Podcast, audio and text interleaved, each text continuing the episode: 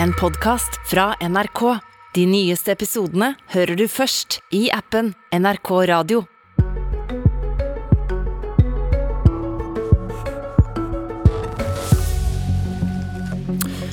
Magdalena Andersson skryter av innsatsen mot gjengkriminaliteten i Sverige. Bygge ut polisen med å skjerpe straffen så var jo helt andre straffsatser nu. Likevel ligger Sverige på europatoppen i drap med skytevåpen. Det har vært en våldsspiral med eskalerende våld hele det her halvåret. Og nå kan denne mannen få makt. Vi har jo fortsatt en asylinnvandring som är tre och en halv gånger så høy som Norge. Jimmy Åkesson og Sverigedemokraterna kan komme inn i den borgerlige varmen. Søndag om en drøy uke er det valg i Sverige. Og vi har invitert søsterpartiet til han som håper å bli statsminister, med støtte fra Sverigedemokraterna, Moderaternes partileder Ulf Kristersson. Velkommen, unge Høyre-leder Ola Sønneby. Takk.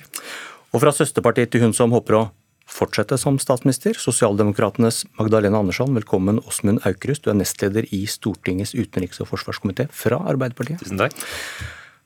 Og politisk kommentator i NRK, Tone Sofie Aglen, som skal følge valget for oss. God morgen. God morgen. Vi begynner med borgerlig side. Og du fortalte meg at du er langt fra imponert over Høyres søsterparti Moderatana, Ola Svenneby. Hvorfor ikke?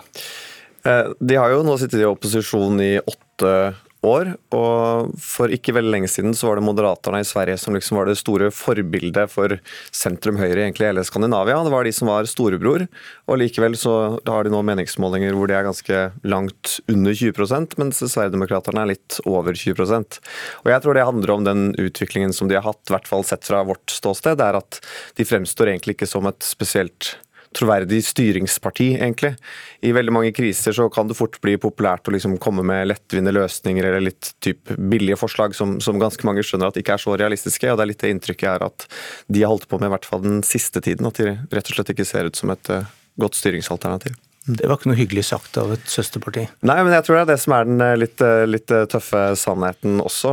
Og så har jo nok Magdalena Andersson fra det svenske Arbeiderpartiet gjort det litt vanskeligere for dem også, nettopp fordi at det er hun som har, har ledet landet inn i Nato, f.eks., som har vært en ganske viktig sak, sak for det svenske høyrepartiet. I tillegg til at hun også har blitt veldig mye hardere i retorikken om gjengkriminalitet, om asylinnvandring, om integrering. Saker som tidligere, um, hvert fall Moderaterne var litt tidligere ute, ute, til å snakke om, så, så, hun har nok i tillegg gjort det litt vanskeligere for det svenske Høyre også. Hvorfor har Moderaterna åpne for samarbeid med Sverigedemokraterna? Det tror jeg er fordi at jeg har sett at det er helt nødvendig å gjøre det. En ting er et maktperspektiv, at det er helt klin umulig på borgerlig side å komme utenom om Sverigedemokraterna. Det andre er at man i Sverige veldig veldig lang tid har holdt en del av velgermassen utenfor. Og Jeg tror kanskje det er svaret på hvorfor de gjør det så godt også. For du har tre måter du kan forholde deg til et politisk parti på. Du kan ignorere dem, eller så kan du halvveis samarbeide med dem, men nekte dem regjeringssamarbeid f.eks. Eller så kan du behandle dem som et hvilket som helst annet parti.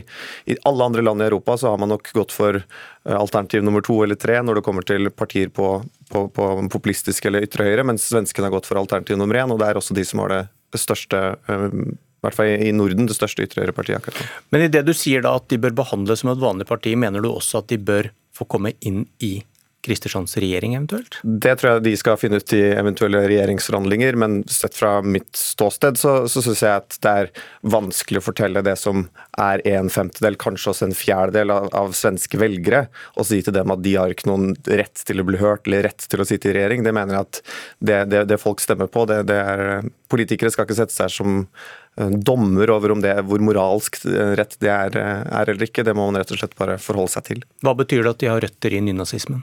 Det, det, er helt åpenbart noe som man må diskutere, og de kan ikke slippe inn nazister inn i regjering. Men så er poenget at på absolutt alle målinger over rasisme i verden, over hvor åpne man er for andre kulturer, så er Sverige et av de mest liberale land i verden.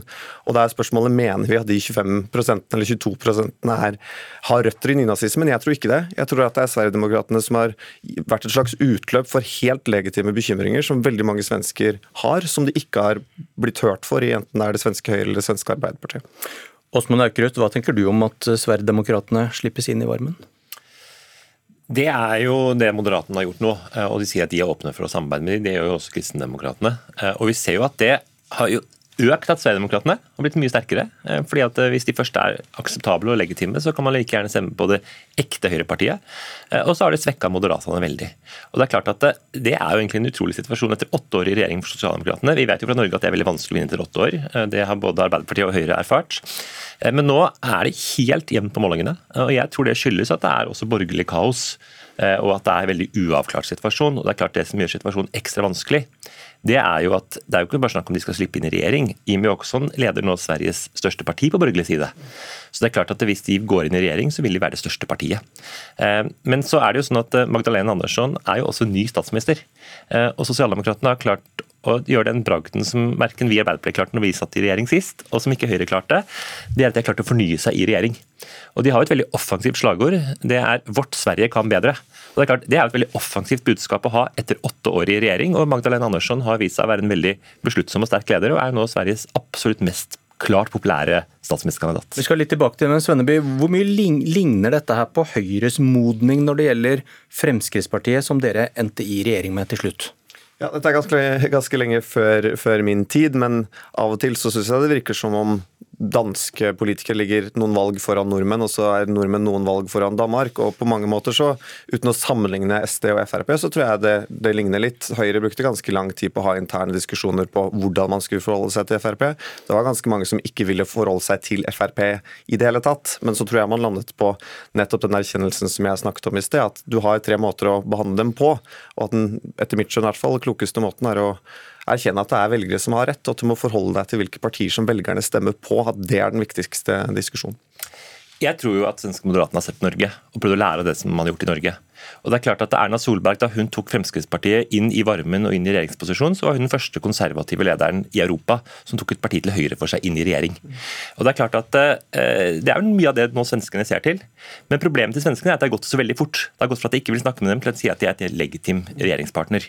Og det er klart at eh, Da møter du, velgerne litt, møter du velgerne litt i døra. og På mange måter så er det en litt lik situasjon da, som det som var i 2009 i Norge, eh, hvor det var veldig uavklart på borgerlig side. Hvor Siv Jensen ble den store lederen, og det ble Jens mot Jensen. Eh, og det er klart Litt lignende situasjon er det vi nå ser i Sverige. Så er det også det at, eh, at eh, altså Jeg mener ikke at Frp er et illegitimt parti å samarbeide med, bare for å understreke det. Men det er jo nettopp da Høyre begynte å samarbeide med Frp også, at Frp gikk fra målinger på nesten 30 til at da de gikk ut av regjering, så hadde de målinger på under titallet. Så jeg mener at det er på en måte den riktige måten å gjøre det på, å holde politiske partier ansvarlig, um, ansvarlig også. Og så er det ikke sånn at moderate velgere flyttes over grensen, de som nå kanskje er skeptiske til å samarbeide med SD. Det er ganske lite, like, lite velgerskifte og på tvers av blokkgrensene. Det er stort sett SD og Moderaterne som egentlig konkurrerer om, om de samme velgerne. Tone Sofie Aglen, hvordan vurderer du Sverigedemokraternes posisjon i svensk politikk? Nei, De har jo en uh, drømmeposisjon, uh, fordi Jeg vil ikke si at det inne i varmen fortsatt er det en underdog-posisjon, men som svenske kommentatorer mener at de fortsatt drar en del nytte av. De vinner jo selvfølgelig på at Eh, kriminalitet, lov og orden, som de har veldig høy troverdighet på. Nå er den klart uh, dominerende saken, og de vet at de er en joker nesten uansett. Det er på borgerlig side helt åpenbart, men det er jo pga. at ingen andre partier har ønska å forholde seg til dem, at det har vært så mye kaos i svensk politikk i veldig mange år. Hva er årsaken til den voldsomme veksten til Jimmy Jokson og partiet hans? Nei, Det er jo vanskelig å ikke peke på um, den kriminalitetsutfordringa som er i Sverige. Og det er nok mer det enn innvandring, som vi gjerne oversetter til i eh, Norge. Og det gjør nok også med den sommeren vi har lagt bak oss, har nok det gjort eh, med mange skyteepisoder, har gjort at eh, saken er ytterligere aktualisert. Så det er jo helt åpenbart. Så er det en debatt Eh, som Aukrust var inne på i Sverige, at eh, Moderaterne har åpna for samarbeid med dem, legitimerer det for dem eller ikke. Men så har vi også sett i mange år det at de blir holdt utafor, at man ikke har eh, lytta til velgerne mens de samtidig har økt sin oppslutning, har gjort at de har fått den underdog-posisjonen. Aukrust, hvorfor er sosialdemokratenes statsminister Magdalena Andersson mer populær enn Jonas Gahr Støre? For det er han beviselig og målt. Ja, sånne, eh, sånne, målinger svinger vel veldig, og så har jo det veldig bra da, at Magdalena Andersson nå er veldig populær rett før valget. og det er klart Hun er den mest populære statsministerkandidaten, også blant Moderatas velgere. Eh, så ser vi jo at hun har en enorm stor troverdighet og tillit. Og hun har vist seg å være veldig besluttsom. Eh, hun er jo ikke sånn karismatisk som holder sånne flotte, fantastiske taler som får alle til å reise seg opp, men hun er tøff, tydelig, og på den måten så klarer hun å mobilisere. og Svenske sosialdemokratene prøver jo nå å få dette til å bli et slags statsministervalg. Eh, og Klarer de det, så tror jeg de kommer til å lykkes med å vinne valget. For Vi ser nå at det er helt igjen på målingene. Jeg hørte enkelte svenske kommentatorer sa at det er 15 000 stemmer som skiller blokkene.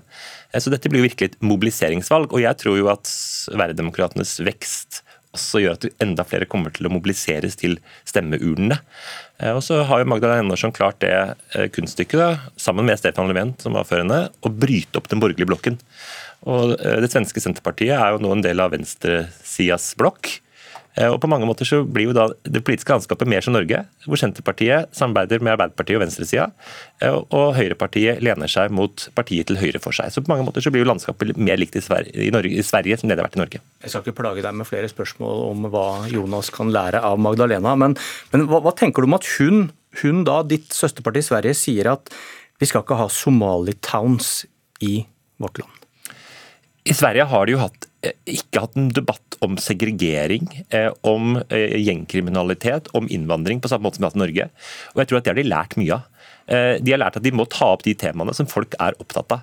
Derfor så er jo nå Magdalena Andersson vært veldig tøff on crime. Vi skal ikke ha gjengkriminalitet i landet vårt. Dette skal være en hovedproduksjon. Hun har sin sak nummer én i dette valget. Eh, og jeg så i går at den lanserte et løfte om å ansette 50 000 eh, politifolk de neste ti årene. Eh, men det Magdalena Andersen også er, er at den skal være tøff om årsakene til kriminalitet. Så de har jo på en del områder også gått til venstre, bl.a. med å si at de skal nå stoppe privatskoler. Det å ha profitt i velferd skal de være, er de motstandere av, for de mener at det også henger sammen med hvordan du skal bygge ett Sverige for alle. Med skyting i forstedene? Hva sa du for noe? Med skyting i forstedene? Ja, men Du skal ha mindre segregering. Eh, og segregering har vært et kjempeproblem i Sverige. Eh, og skal du ha mindre segregering, så må du også gjøre noe med velferd eh, for folk. og Det er noe som Magdalena Andersen nå går til valg på. Skjønner vi. Jeg tror at En av de årsakene som for å skryte litt av det svenske Arbeiderpartiet, en av de årsakene som som jeg tror er at Magdalena Andersen nå gjør det ganske bra, er nettopp at hun har adressert de tingene som SD tidligere har hatt monopol på at det for ikke veldig lenge siden har vært eh, faktisk politisk kontroversielt å snakke om gjengkriminalitet, gjengkriminalitet målt opp mot dårlig integrering, f.eks. At Magdalena Andersson har en helt annen tone når hun omtaler asylinnvandring, når hun omtaler integrering. Problemer som for alle andre, i hvert fall sett utenfra Sverige, har vært helt åpenbare problemer, men som det har vært en slags berøringsangst for, både i det svenske Arbeiderpartiet, men faktisk også i det svenske Høyre. Aglen, hvorfor er Andersson mer populær enn Støre? Ja, det skal jeg gjerne hatt et uh, svar på. Jeg tror nok at hun uh, ble en ny uh, frisk for partiet. klarte å, å, fornye er jo nå sosialdemokratenes aller sterkeste kort for å vinne valget. Man sier jo også litt i Sverige at det er det eneste kortet, for sosialdemokratene har jo ikke veldig høy troverdighet på gjengkriminalitet. Så har hun nok leda landet inn i Nato-prosessen på en måte som ga tillit. Og så tror jeg nok også at Moderaternes statsministerkandidat sliter også med sin personlige troverdighet, at hun eh, framstår som den tydeligste lederen, at det er en eh, stor fordel for dem. Og Så kom det en nyhet i går på SVT om at hennes parti og Sosialdemokratene de snur i synet på kjernekraft. Hva betyr det? Ja, De har i hvert fall eh, endra sin kommunikasjon om uh, kjernekraft. Uh, de har jo den samme strømdebatten i Sverige som i Norge, hvor man har veldig ulike priser, dyrt i sør, mens det er billig i nord. Men i motsetning til Norge, hvor vi knytter det til kabler, så knytter man det i Sverige til at man har stengt ned kjernekraftanlegg. Der har sosialdemokratene vært Eh, for å stenge ned, men nå snakker man mer positivt om kjernekraft i Sverige, og det er en veldig viktig sak inn i denne valgkampen. Er det godt nytt for Norge hvis eh, Sverige fortsetter med kjernekraft? Altså, det er jo godt nytt for hele Europa at eh, land ikke nå legger ned sin, det, det som produserer energi. Og det er klart Noe av det som har skjedd også for Sosialdemokratene, er at Miljøpartiet gikk ut av regjering. Og jeg tror også at det har styrka Sosialdemokratene inn i dette valget. Og det er klart De har de samme debattene om strømpriser som det vi har, og dette er vel et av svarene som Sosialdemokratene nå gir. En av de største feilene jeg mener at europeiske politikere har gjort i energipolitikken, utover å importere og gjøre seg avhengig av russisk gass, er nettopp å legge ned kjernekraftverkene sine. Nå trenger vi all energien som vi kan få. Ok, en drøy uke igjen. Hvem vinner? Jeg tror Magda Andersson og Sosialdemokratene vinner. Eh, jeg tror vi får en uavklart situasjon. Det tror jeg også. og fasiten, Tone Sofie Aglen? Jeg tror i hvert fall ikke de bruker 134 dager denne gangen. Ok, vi får se. Takk for laget. Dette var Politisk kvarter. Jeg heter Bjørn Myklebust.